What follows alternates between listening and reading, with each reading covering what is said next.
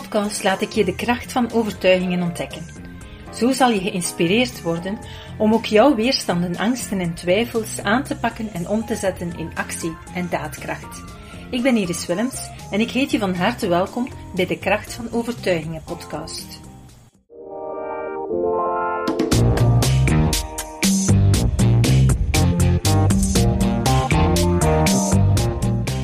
Deze week ga ik het hebben over de nummer 1 voorwaarde voor een succesvolle business. En dat is onze mindset. Nu, ik ga je vertellen over die mindset aan de hand van mijn eigen reis, mijn eigen verhaal. Van de verschillende uitdagingen die ik zelf doorheen de voorbije jaren op mijn pad kreeg. En waarbij mindset altijd wel een heel belangrijke rol speelde en ook vaak de doorbraak was voor verandering en voor uh, vooruitgang. En alles begon eigenlijk, ehm, ja, zoals bij elke startende ondernemer in het begin, als je um, klanten gaat uh, aantrekken, dan moet je een bepaalde prijs bepalen. En dat is bij heel velen al een eerste obstakel. Ook bij mij was dat zo. Ik, um, ik begon en ik deed mijn eerste coaching sessies en ik vroeg daar toen uh, eh, 20 euro per uur voor. Maar ik liep bijna altijd uit. Dat was ook eigenlijk een stukje omdat ik al vond van 20 euro kan ik dat wel vragen, wat uh, absoluut geen duur tarief was. Maar ik zelf dacht van oei, die 20 euro gaan de mensen dat wel willen betalen. Want de mindset voor velen rond uh, persoonlijke begeleiding, we spreken natuurlijk wel over vele jaren terug, um, die was toen ook nog, uh, nog niet zo open. En dus ik uh, dacht dat dat voor de mensen te duur zou zijn. Dus ik vroeg 20 euro, maar ik gaf meestal wel een uur en een half tot twee uur coaching. Dus eigenlijk kwam dat maar op een goede 10 euro per uur, wat, wat super laag was. En ik was um, in die sessies ook heel vaak al de laatste, het laatste half uur voor ik begon af te ronden, was ik al bezig in mijn hoofd van ja, straks moet ik geld vragen. En ja, ik ben nu twee uur bezig moet ik nu 20 euro of 40 euro vragen? Maar ja, ik kan dat toch niet maken, want ik heb dat niet afgesproken. Ik ben uitgelopen omdat ik vond dat die mensen dat nu nodig hadden. Maar eigenlijk, ja, was het niet de afspraak dat het 2 uur zou zijn, dus ik kan geen 40 euro vragen, dus ik ga toch maar 20 euro vragen. En dan voel ik me daar wel goed bij. En dat was eigenlijk wat zich altijd opnieuw in mijn hoofd afspeelde. Ik was zoveel bezig met wat kan ik, wat mag ik vragen en wat gaan de mensen dat uh, waard vinden en gaan ze dat wel willen betalen en ga ik geen klanten verliezen en dergelijke. Dat kostte me heel veel energie. Um, dus ik heb dan um, beslist om een, een, zelf een opleiding te volgen rond um, mindset, rond financiële mindset. En ja, toen, toen besefte ik dat ik heel wat overtuigingen had, waar ik dan meteen ook wel uh, aan beginnen werken ben. En een van de dingen, ik gaf ook opleiding in bedrijven. En naar bedrijven toe vond ik het al wat gemakkelijker om daar geld te vragen, omdat dat ook gangbaar was. Ik wist het ongeveer de gangbare tarieven. En ik vroeg toen uh, voor een dagopleiding, voor een groep in het bedrijf, vroeg ik toen 1250 euro per dag. Maar na die mindset training uh, rond financiële aspecten besefte ik van oké, okay, een van de opdrachten die we gekregen hadden was verhoog je prijs met 20% vanaf morgen. Nu, ik heb daar wel zelf eerst uh, voor mezelf rond een paar overtuigingen gewerkt. En um, ik ben effectief, de dag nadien had ik een prospectie en ik ben naar die klant gegaan. Ik heb mijn prijs toen gezet op 1600 euro. En ja, ik verkocht dat ook. Dus ik besefte plots van, wow, eigenlijk inderdaad, als ik zelf geloof dat ik het waard ben en uiteraard moet ik geen kat in een zak verkopen, moet ik wel waarde verkopen, dan, um, dan staan mensen daar wel voor open en dan ja, wordt dat wel betaald. Dus dat was eigenlijk een eerste kennismaking met de kracht van onze mindset. Als je zelf denkt dat je het waard bent, als je er zelf 100% van overtuigd bent, dan ga je dat ook uitstralen en dan ga je ook die klanten aantreffen die dat ervoor willen betalen. Um, ik, um, verder, de jaren die verder volgden, besloot ik om niet alleen meer mijn zaak uit te baten, maar ook anderen op te leiden. Ik zocht trainers om op te leiden.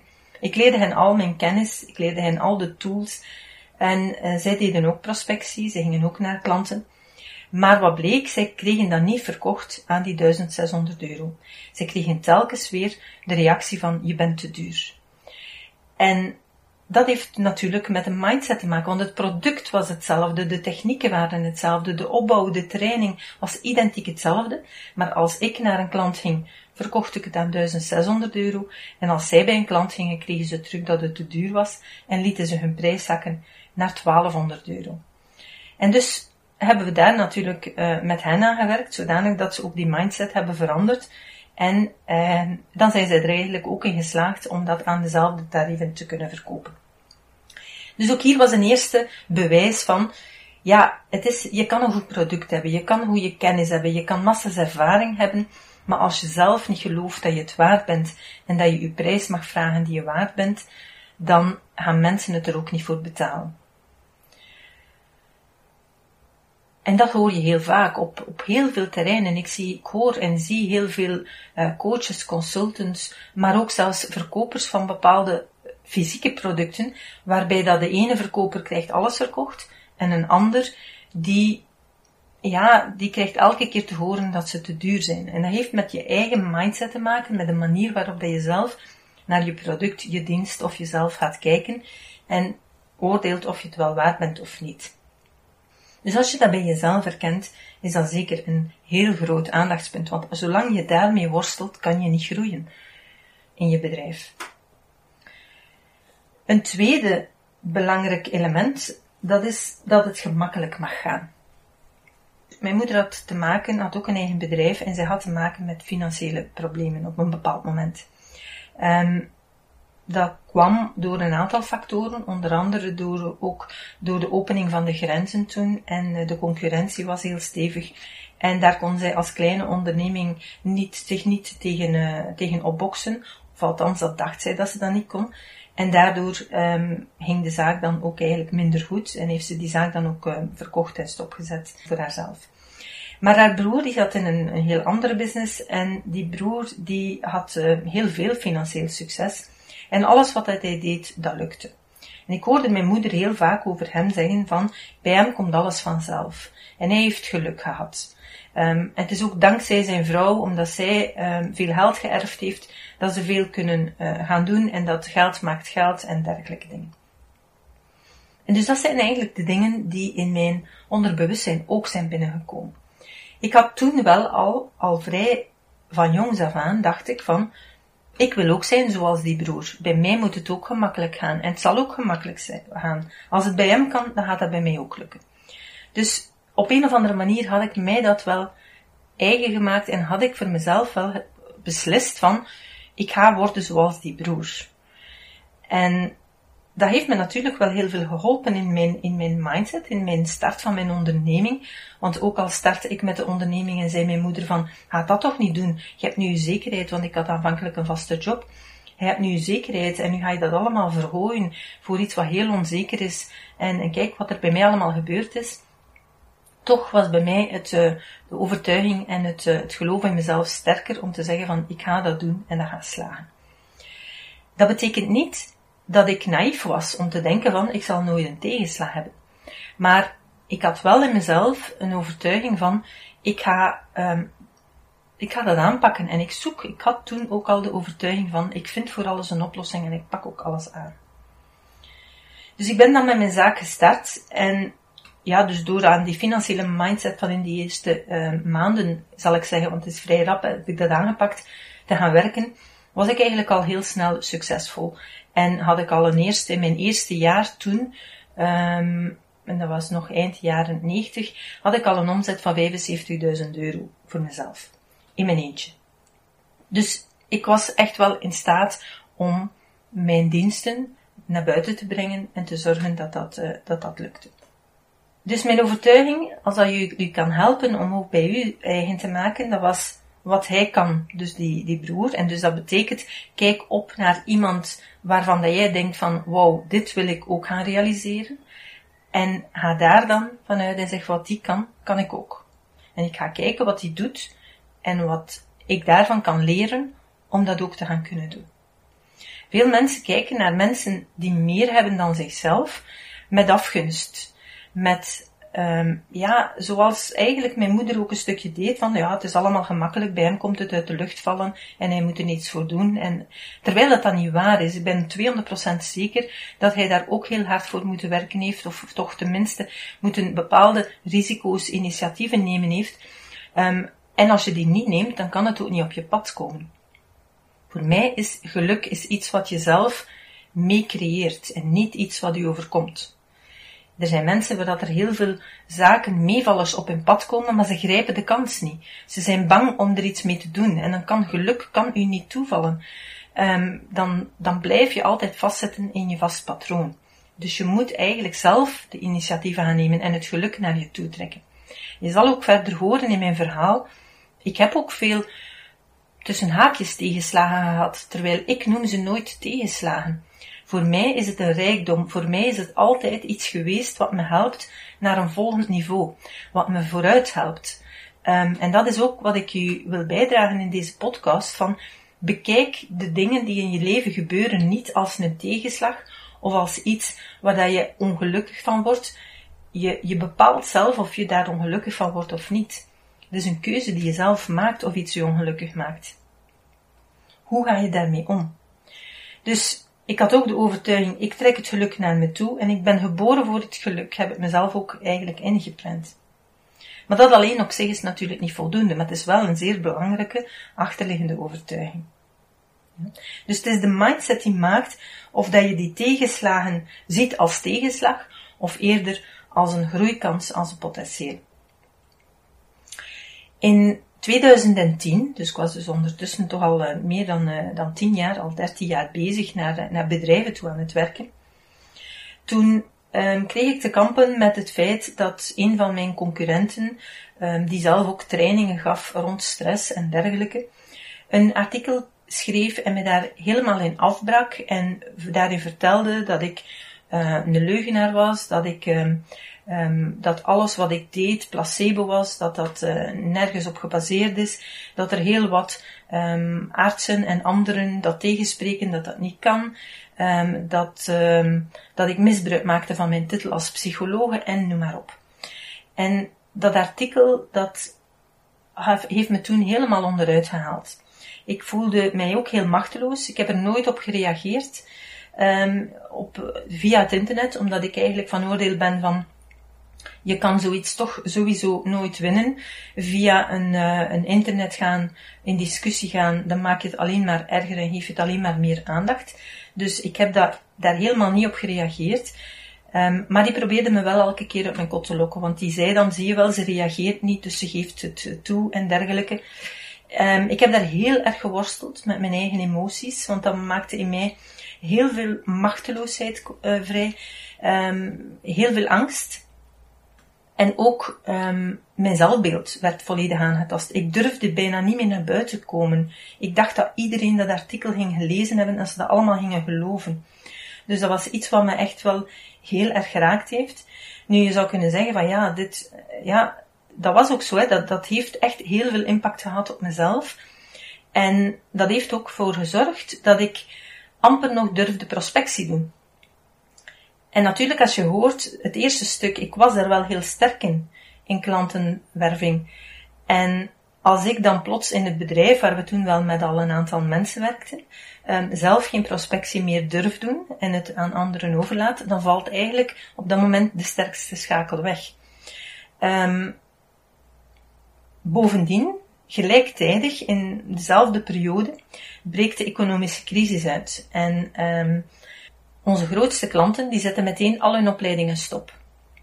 Dus dat betekent, dat was in februari um, ehm, 2010, ik herinner het nog altijd heel goed, want we waren net verhuisd, we hadden net geïnvesteerd in een, uh, in, in een nieuw gebouw, volledig hier onze, uh, de Vierkantshoeven, waar we nog altijd zitten trouwens, um, en waar we ook seminarieruimtes uitbouwen bij Enjoy Today. Um, maar we hadden net de investering gedaan om dat gebouwencomplex te kopen, om daar verbouwingen te doen. Die verbouwingen waren net gebeurd, waren net verhuisd naar onze nieuwe kantoren toen dat, dat artikel verscheen en toen ook de crisis toesloeg. Um, waarbij dat uh, onze twee allergrootste klanten, die 50% van onze omzet vertegenwoordigden, plots alle um, trainingen cancelden voor de rest van het jaar allee, en dus on, hold zetten tot, uh, totdat er betere situaties waren. Dus dat betekende dat onze omzet gehalveerd werd. Ik kwam niet buiten, want ik durfde geen prospectie te doen, uit dat iemand mij ging confronteren met dat artikel. En dus was dus een ramp. Wij moesten, we hadden nog drie mensen in dienst. Um, onze trainers waren op zelfstandige basis. Maar we moesten dus uh, die mensen ontslaan. Alleen toch twee van de drie hebben we moeten ontslaan. Die moesten we dan ook uitbetalen, want die waren al langer in dienst. Um, en dat gaf ons een financiële put van 185.000 euro, bovenop de leningen die we natuurlijk gestart waren voor onze bouw, um, die we net waren aangegaan. Dus dat was eigenlijk uh, een financiële ramp. Um, op zich waren we eigenlijk failliet, alleen hadden we gelukkig geen schuldeisers die ons failliet lieten verklaren. En dus ik ben dan heel intensief, samen met mijn man uh, Geert, zijn wij heel intensief gaan werken aan onze mindset. Aan gaan zoeken van, oké, wat kunnen we hieruit leren? Wat, hoe maakt ons dit sterker? Want het is wat het is. Um, je kan wel zeggen van, ja, we hebben een tegenslag en die heeft mij proberen kapot te maken en de, de crisis is daar bovenop, ik kan daar niet aan doen en kijk, ik laat alles gaan. Dat hebben we niet gedaan. We hebben dat uh, bekeken als zijnde van, dit is een uitdaging. We gaan hier sterker uitkomen. Um, we zijn allebei, um, ik in de eerste plaats, want bij mij waren er ook uh, wel heel erg veel financiële uh, overtuigingen nog, niet zozeer rond het geld vragen, maar wel rond het feit um, ja, dat het gemakkelijk mag gaan en dat, um, dat het, het leven afzien is. Dat, die overtuigingen had ik. En hoe ben ik die te weten gekomen? Wel door in die situatie te zitten met die financiële problemen was er een stemmetje in mijn hoofd die altijd terugkwam en dat zei, zie je wel, ze zullen nu niet moeten zeggen dat het allemaal vanzelf gaat. En toen dacht ik, oh, als dit bij mij in mijn onderbewustzijn leeft, dan is er iets wat wil aantonen van kijk, het is niet gemakkelijk, ik heb het ook moeilijk, ik krijg het niet in de schoot geworpen. En dat is een verkeerde mindset.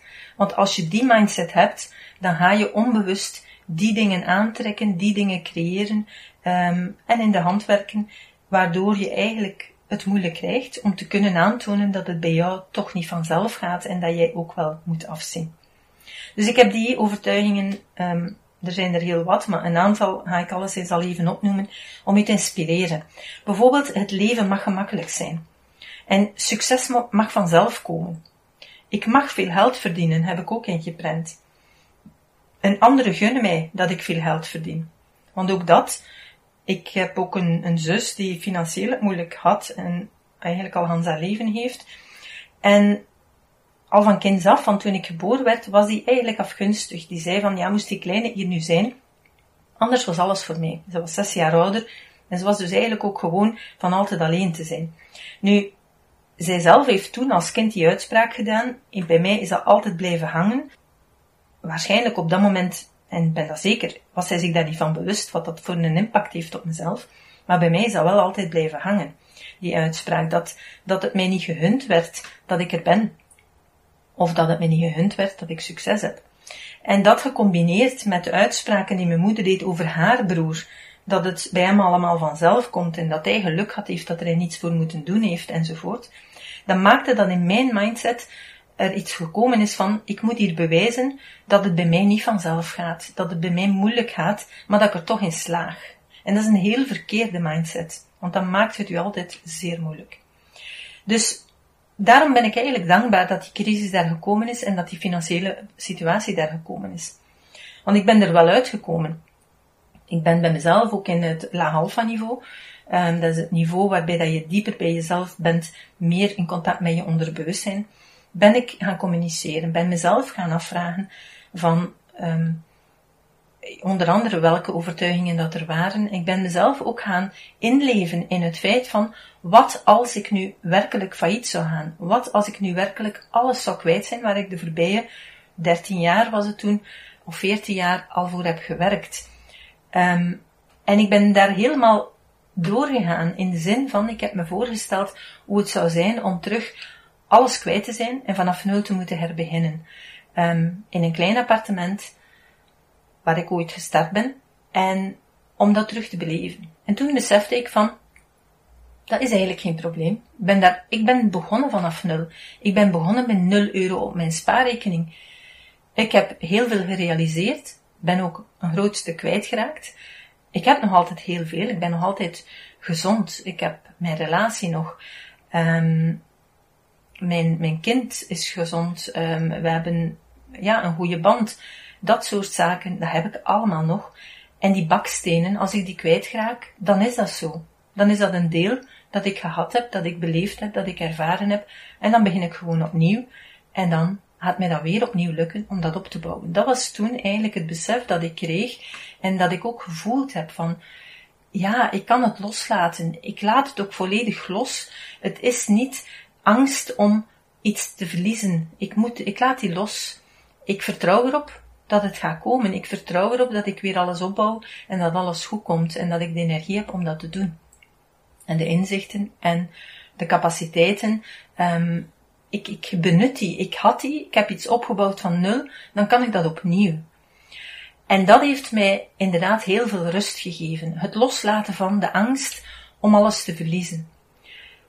En vanuit die rust ben ik inderdaad ook oplossingen gaan zoeken. En we, hebben we beslist, we hadden nog een privéwoonst, want het ene was voor het bedrijf, bedrijfsgebouw, en we hadden nog ons privéwoonst. En we hebben toen beslist van, we gaan dat verkopen. We gaan dat geld gebruiken om mee terug in het bedrijf te stoppen, wat ook een risico was natuurlijk. En om te zorgen dat we een stuk van de verbouwingen verder kunnen doen en dat na de crisis, dat we daar bijkomende inkomsten hebben, doordat dat stuk verbouwd is en dat we die zalen, die vergaderzalen kunnen verhuren. En dat we daardoor dan ook sterker staan, omdat we op twee terreinen zitten. Niet alleen de opleiding, maar ook verhuur van zalen en bed en breakfast en dergelijke. Dan hebben we een meer gespreid risico. En dus hebben we beslist om al onze centen die uit ons eigen huis kwamen, um, om die te stoppen opnieuw in het bedrijf.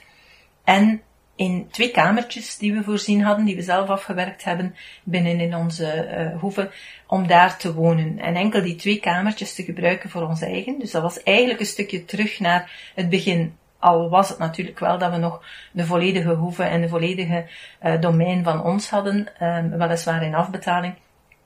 Maar we zijn terug weer naar uh, een hele kleine woonst gegaan. We hebben daar zelfs um, een hele tijd in één kamer gewoond, met ons, waar we sliepen met ons drieën, dus uh, mijn man en ik en onze zoon op één kamer. En um, een jaar later hebben we dan een tweede kamer ingenomen. En dan uh, hebben we dan uh, twee jaar later, een, uh, was alles ondertussen weer opgebouwd, hadden we weer financieel de ruimte. En hebben we dan een stuk van de hoef kunnen verbouwen tot een volledige privéwoonst, waar we dan eigenlijk weer onze volledige comfort hadden. Maar om u aan te geven, je moet durven loslaten en durven een stap terugzetten als het moeilijk gaat en dat niet zien als falen, maar zien als een noodzakelijke stap soms. Het maakt je sterker, het maakt je rijker, ook persoonlijk rijker. En je gaat merken dat uh, als je die stap kan zetten en als je die overtuigingen kan gaan aanpakken, dat je dan uh, wel vooruit geraakt. Dus dat was een, een heel belangrijke fase in ons leven, dat van mij en mijn man, um, in, de groei, in de verdere groei eigenlijk van onze onderneming.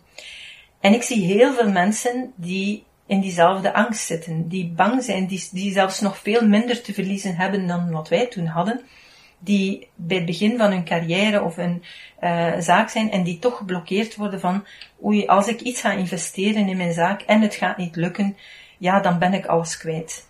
Maar je kan natuurlijk niet groeien zonder te durven springen. Je kan geen nieuwe horizonten verkennen door vooruit te stappen. Dus als, als je wil een onderneming uitbouwen. Als je wil groeien in je onderneming, ga je zowel moeten investeren in jezelf, in je mindset, is cruciaal, daar start alles mee. En vervolgens ook in bepaalde initiatieven die je met je bedrijf of met uh, de mensen in je bedrijf naar gelang um, gaat nemen, gaat, uh, gaat ondernemen, zodanig dat je nieuwe stappen kan gaan zetten. En soms zijn dat investeringen en soms zijn dat gewoon um, ja, stappen die je emotioneel moet gaan zetten, dat zijn allemaal elementen die je vooruit helpen. Maar bezie het niet als een tegenslag, want je kan uit alles iets leren. En ik weet dat mensen soms zeggen, ja, maar dat is nu iets, hè, dat is materieel en financieel en dat is allemaal niet zo erg, dat kunt allemaal zonder. Maar wat met gezondheid? Of wat met, um, ja, iemand verliezen, iemand die sterft en zo.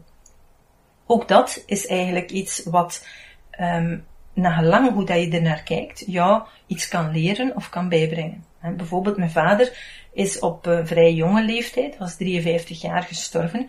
Is op, uh, op 63 jaar gestorven, sorry, en op 53 jaar heeft hij kanker gekregen.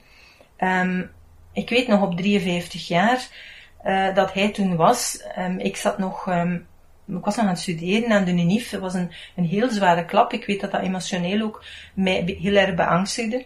Maar tegelijkertijd ben ik hem toen al um, kunnen gaan een stukje ondersteunen en begeleiden met de technieken die ik zelf al, um, al, al aan het toepassen was. Um, en dat heeft hem ook heel veel geholpen in zijn eigen stresshantering, in zijn eigen mindset om door die zware periode heen te gaan. En dat heeft mij ook dichter bij hem gebracht. Dus opnieuw zie ik het als iets van, ja, dankzij dat heb ik eigenlijk op dat moment wel een band kunnen opbouwen die er eigenlijk voorheen niet was. Um, ik ben hem dan wel verloren op het moment dat eigenlijk mijn zoon net geboren is en hij hem zelfs nog niet gezien heeft, want hij woonde toen in Spanje, omdat hij uh, omwille van zijn, uh, de behandeling van de chemo en zo heel verzwakt was, was hij verhuisd naar Spanje om daar uh, betere temperaturen te hebben, want als hij hier in de kou in de winter, um, ja, dan had hij altijd, was hij direct ziek. Dus hij was in Spanje en ik was bevallen van onze zoon.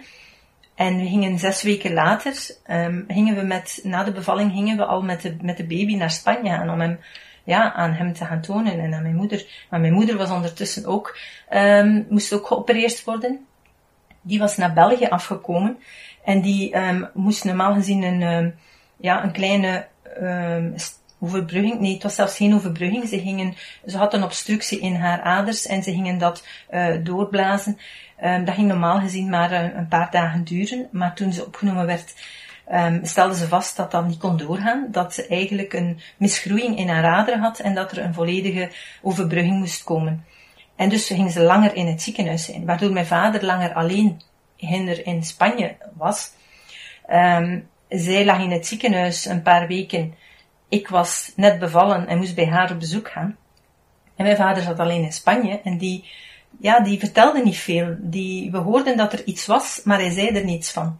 En pas toen zij dus na drie weken uh, terug in Spanje was, dus drie weken na mijn bevalling, um, is zij teruggegaan naar Spanje. Um, toen zij uit het ziekenhuis was. En toen zag ze dat hij, ja, door te lang te zitten, ging er alleen, uh, een, um, een obstructie had in zijn been. Zijn been zag helemaal uh, wit. En ze is ermee naar, uh, de ziekenhuis, naar het ziekenhuis gegaan. En daar hebben ze dan bloedverdunners gegeven om die obstructie los te maken.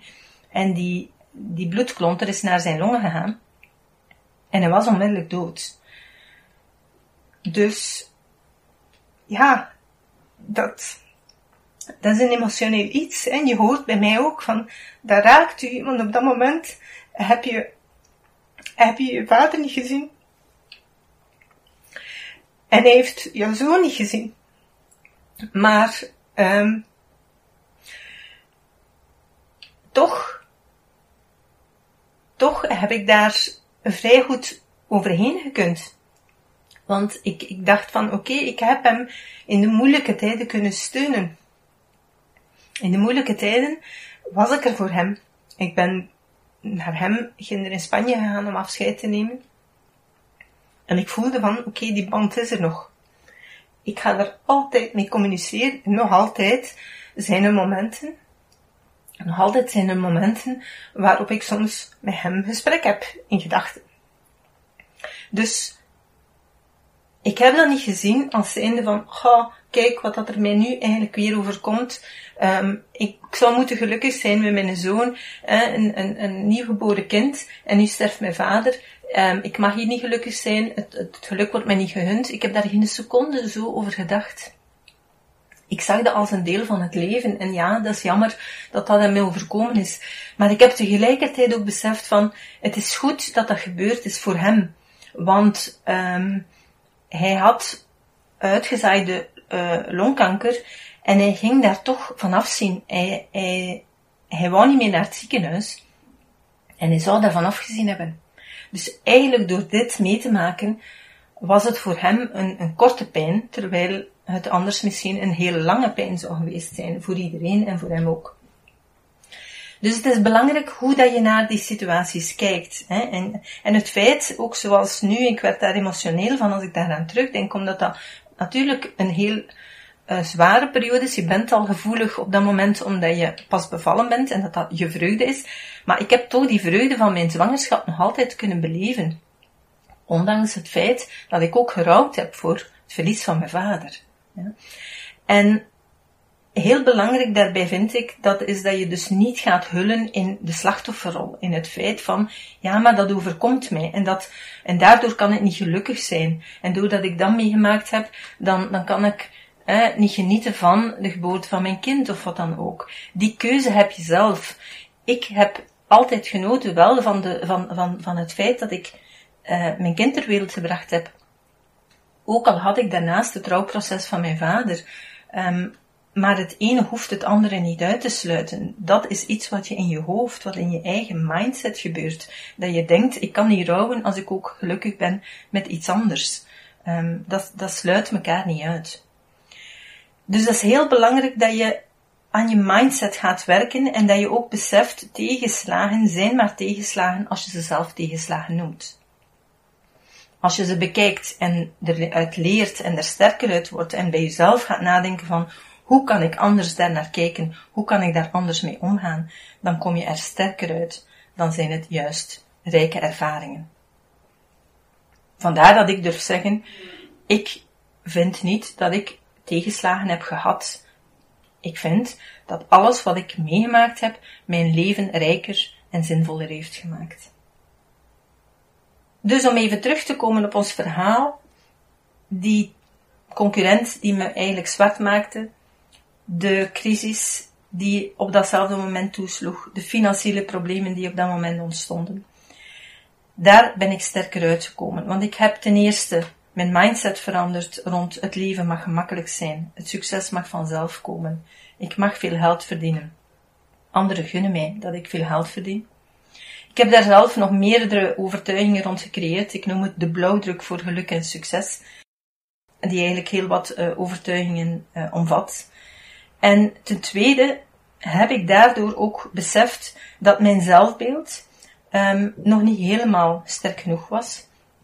En ben ik daar ook heel sterk aan, aan werken, nog meer aan aan werken. Ook naar het naar buiten komen, het durven naar buiten komen, um, niet alleen fysiek, maar vooral ook online. Het durven terug mee in de kijker werpen, want dat had ik nodig om de verdere groei van mijn onderneming te kunnen gaan bewerkstelligen. En dat stukje, dat ga ik u vertellen in de volgende podcast. Als je op basis van wat ik je vandaag al vertelde, bij jezelf vaststelt van ja, ik wil groeien. Ik ben zelfstandig of ik wil zelfstandig worden. Ik ben bedrijfsleider van een kleine onderneming en ik heb een omzet van minder dan 5000 euro per maand. Dus tussen de 0 en de 5000 euro. Ik wil echt groeien naar een next level. Ik wil het gemakkelijk hebben in mijn leven. Ik wil mijn dromen, mijn grote dromen wil ik gaan realiseren. Ik wil mijn diensten aan anderen gaan aanbieden, zodat de anderen er ook beter van worden. Maar ik wil er ook niet dag en nacht voor moeten gaan werken. Ik wil het wel op een, op een aangename en vlotte manier kunnen doen zonder er de slaaf van te worden.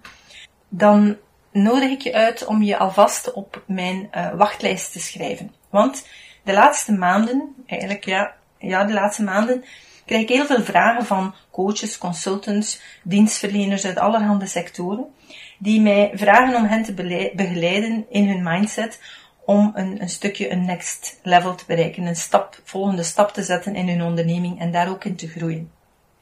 Ik heb een aantal mensen al via één op één coaching daarin begeleid en ik merk dat effectief die stappen noodzakelijk zijn en dat ze daarin heel erg gaan groeien. Um, ik heb daarom dan ook beslist om een apart programma daarvoor uit te werken. En dat programma gaat noemen het Business Accelerator programma. Dus het is voor mij ook een nieuwe stap, het is opnieuw een nieuwe uitdaging om al de kennis die ik zelf in de voorbije twintig jaar heb opgedaan, alle kennis rond mindset als ondernemer, maar ook, en dat is heel belangrijk, um, alle stappen op vlak van strategie. En want volgende keer ga ik het ook hebben over weerstanden die ik had op vlak van strategie en marketing, die maakten dat ik eigenlijk ook niet verder kon groeien op een bepaald punt. En die heb ik ondertussen ook aangepakt. Ook daarin, um, dat zal mee vervat zitten in dat programma. Hoe pak je dat aan om um, meer zichtbaar te worden, om naar buiten te komen, om klanten aan te trekken die jou niet kennen, om een business uit te bouwen zonder dat je er constant alle uren beschikbaar moet zijn, 24 uur per dag. Ik ben er nog volop mee bezig met dat programma, dus ik kan er nog niet veel meer over vertellen. Maar als je al interesse hebt, dan nodig ik je uit om je op mijn wachtlijst te zetten. Het is volledig vrijblijvend. Je gaat als eerste alle kennis en alle informatie ontvangen in verband met dat programma, zodanig dat je voor jezelf kan oordelen van is dit iets voor mij en kan al dan niet kan starten als eerste deelnemer in het uh, traject. Dus ik ga je alle kennis delen die ik heb, zowel op vlak van mindset, maar ook op vlak van strategie en marketing. Dus alle tools die ik gebruik, alle, mm, ja, alle kanalen die ik gebruik, um, krijg je van mij ter beschikking. Als je daar interesse in hebt, vrijblijvend zet je op mijn wachtlijst en die vind je op prana.be schuine streep BA, de afkorting van Business Accelerator. Dus prana.be schuine streep BA. En dan eh, ontvang je van mij alle informatie. Al die informatie gaat niet standaard naar iedereen gestuurd worden, omdat niet iedereen daar baat bij heeft. Alleen mensen die zelf um, zelfstandig zijn of bedrijfsleider zijn van een kleine onderneming en die willen groeien, die komen in aanmerking om mee te doen aan dit programma. Dus het is een aparte mailinglijst. Als je er niet op staat, ga je geen informatie ontvangen. Ik uh, ga hierbij afsluiten. Ik hoop dat je er heel wat inspiratie uit hebt opgedaan. Ik hoop je een duwtje in de rug hebben gegeven om met je eigen zaak verder te willen gaan groeien. En ik uh, nodig je alvast uit op mijn volgende podcast, waar ik uh, het vervolg van het verhaal ga vertellen over mijn mindset en de verdere evolutie. Dag! Super tof dat je hebt geluisterd naar de Prana Mental Excellence podcast. Ik hoop dat je het waardevol vond en dat je er inzichten uit hebt kunnen halen voor jezelf en voor je eigen business. Vond je het een waardevolle podcast, dan zouden we het heel erg waarderen als je dit zou willen delen. Enerzijds door dit te delen via je eigen Instagram of LinkedIn. Maar wat we nog meer zouden waarderen als je tijd en moeite zou willen nemen om ons een review achter te laten. Werk je met een Apple-telefoon, dan kan je dat doen binnen je eigen podcast-app door daar een review te geven. Geef ons een x aantal sterren met daarbij een korte motivatie wat je van onze podcast vindt. En werk je met een Android-telefoon, dan zie je dat de meeste apps geen review-mogelijkheid hebben. Wat we dan heel erg zouden waarderen, is als je op Google Prana Mental Excellence zou willen intypen en vervolgens via de Google Review-sectie iets zou willen vertellen over Prana, wat je van ons vindt en wat je aan onze podcast hebt gehad. Alvast heel erg bedankt. Ik hoop dat je er volgende week weer bij bent bij onze volgende aflevering van de Kracht van Overtuigingen podcast.